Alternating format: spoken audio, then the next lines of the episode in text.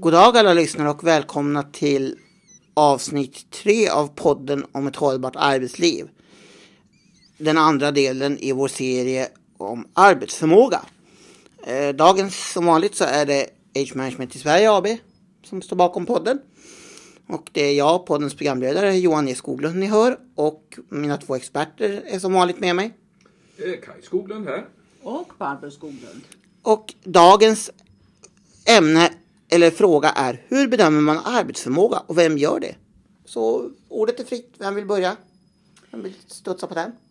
Eh, faktiskt är det så här att när första gången vi ehm, kom i kontakt med arbetsförmåga och ett instrument som heter arbetsförmågeindex på engelska workability index så hade just det här med arbetsförmåga varit en, en, en eh, nöt att knäcka.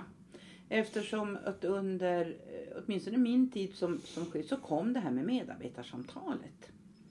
Och då var det ju så att då skulle man ju prata med sina medarbetare. Man skulle på något sätt bedöma deras arbetsförmåga. Vad som var, vad som var bra, vad som var mindre bra, vad som behövde utvecklas och på vilket sätt. Och det var ett stort aber på något vänster det här att, att eh, försöka hitta en värdeneutral förhållningsgrund som inte bara var ri- eh, kopplat till vad jag tyckte om den här personens eh, sätt att utföra och göra utan mer eh, och det där var svårt. Det, det, det var svårt att hitta ett relevant sätt att, att, att, att jobba på det. Jag hade olika metoder på den tiden jag var rektor och gymnasiechef. Både när det gällde administrativa medarbetare och när det gällde mm, pedagogiska medarbetare. Det var då lärare på, på en gymnasieskola. Ehm, det här att mäta arbetsförmåga eh, som de finska forskarna utvecklade har en ganska lång historia innan man kom fram till detta arbetsförmågeindex eller workability index. Eller hur Kai? Jo, så, så är det. Och eh, tanke, alltså bakgrunden var ju just att man skulle forska på begreppet arbetsförmåga och hur den skulle kunna stärkas. Och då behövde man ju ett instrument för det och det, det blev Workability Index. Ehm, det är ett självskattningsinstrument, det är viktigt att säga. Det, det, är- det är medarbetaren själv som svarar på ett antal frågor. Och de har en ganska stor bredd. Det handlar om om man har någon sjukdom, diagnoser och, och men framförallt handlar det om innehållet i arbetet och hur man själv tycker att man fullgör sitt arbete och hur det ser ut i ett historiskt perspektiv. Har jag lika bra arbetsförmåga idag som jag hade tidigare och hur jag tror jag att min arbetsförmåga kommer att utvecklas i framtiden. Eh, och det här indexet har ju visat sig vara väldigt värdefullt. Sen måste man ju eh, ha vara klar över att arbets... Det är precis som du är inne på, Barbara, att det finns ju inget objektivt sätt att mäta arbetsförmåga som alla kan ansluta sig till. Men det här, det, det, den här visar det att medarbetarna själva är ganska duktiga på att göra en bedömning av sin arbetsförmåga. När... Eh, Ja, förlåt Johan. Nej, jag bara säger man måste ju vara lite djävulens advokat också. Jag menar.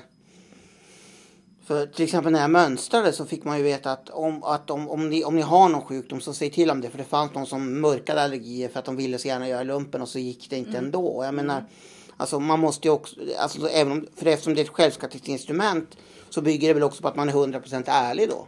Det, det, Både vad där, gäller styrkor och svagheter. det där är en riktigt bra fråga Johan. Om nu får vara djävulens advokat en stund. Ja, och dessutom faktiskt att hela workability indexet, alltså tanken bygger på att du ska vara ärlig när du svarar. Just därför så har man lagt det jag kanske lite slarvigt brukar säga eh, journalsekretessstatus på den. Det vill säga att eh, det visar sig, för att det är väl så här, det var inte så att man knäppte med fingret de här finska forskarna utan det var ett, ett team utav psykologer, statistiker, eh, beteendevetare och så vidare och så vidare, yrkesmediciner som resonerade sig fram kring och det testades många, flera, under flera år eh, till man då hittade slutligen den här utformningen som nu egentligen är, man kan säga grund eller är workability index. Och det, det visar sig att om man svarar ärligt så har den en väldigt god prognosticitet. Alltså den, har, den är god på att förutse, eller gott är ett fel ord i det här. Det vill säga om man har, kan slås ut från arbetsmarknaden på de närmaste eh, 5-10 åren. Och det gör ju naturligtvis att fel använd eh, med de resultaten så kan det, alltså att, att om resultatet kommer i fel händer så blir det inte Det bra. låter ju lätt som ett sorteringsverktyg då. Att ja, men titta Ja. här. Alltså. Ja, det kan inte användas på det uh, sättet. Nej. Det är, alltså, det är viktigt så att det här är inget instrument som chefen kan använda sig av i förhållande till sin medarbetare. För om medarbetaren vet att mina svar på det här är på Workability Index, det kan användas till att bedöma min framtid, min lönesättning och så vidare. Därför är det enbart företagshälsovården som, håller på, eh, som brukar hålla på med det här. Så det är väldigt viktigt att säga. Men, så lärdomen av det här är inte att här finns ett instrument som man brett kan använda för att bedöma arbetsförmågan på ett objektivt sätt. Utan lärdomen är att det finns mycket att hämta i att låta den enskilde själv i en dialog med chefen och, sin ledare i medarbetarsamtalet själv får bedöma och redovisa hur man uppfattar sin arbetsförmåga både bakåt i tiden nu och framåt i tiden. Och då tar man naturligtvis inte upp, om inte medarbetaren själv skulle vilja det, eh, faktorer som sjukdomar och så vidare. Eh, det, och det här, för det här bygger på förtroende. Men, och sen måste man också vara klar över att eh, Workability Index är alltså en, eh, är ju eh, tillverkad, eller producerad eller framforskad i Finland. Företagshälsovård i Finland har en helt annat uppdrag och är kopplat på ett helt annat sätt till till de finska företagen än, och organiserat på ett annat sätt än vad finska företag är eller vad, eller vad, vad företagshälsovård är i till exempel Sverige. Så det är svårt så att säga att jämföra för man kan säga så här att eh, Workability Index har ju inte på något sätt eh, arbetats inte speciellt framgångsrikt eh, eller många företagshälsovårdare är inte eh, använder sig inte utav det. Vi ser det med, vi är med i ett nätverk kring Workability Index där det är en hel del forskare och, och eh, företagshälsovårdsaktörer med, men framförallt forskare i Sverige. Och, och, men det har inte riktigt, jag satt just och läste rapporten från, från det möte en gång om året i det där. Eh, och, och ja, vi kommer att komma vidare. Jag ser att Kaj letar Jag ser att för jag ser att vi har nu svar på frågan hur bedömer man arbetsförmåga och vem gör det.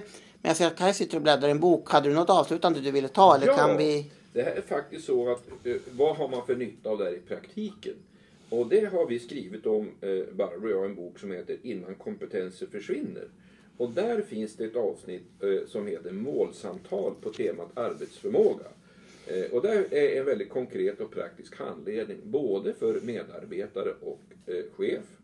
Hur man gemensamt kan diskutera och analysera arbetsförmågan och utifrån ett någorlunda, ska vi säga, icke ett sätt som inte bygger på fördomar eller personliga åsikter eh, Utan ändå, det närmaste kan man säga ändå ett gemensamt objektivt sätt att hantera begreppet arbetsförmåga. Det är det jag brukar kalla för värdeneutralt. Så den som, Värdeneutralt så den som vill veta, letade veta mer om detta den ska titta i boken.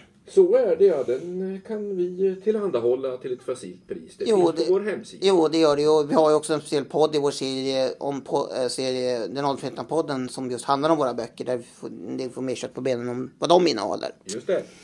Men med det så ber vi att få, få, då få tacka för idag och så ska vi nästa eh, gång ska vi prata om arbetsförmåga i praktiken. Och vi som tackar för oss är Johan E. Kaj Skoglund. Och Barbro Skoglund. Tack och hej!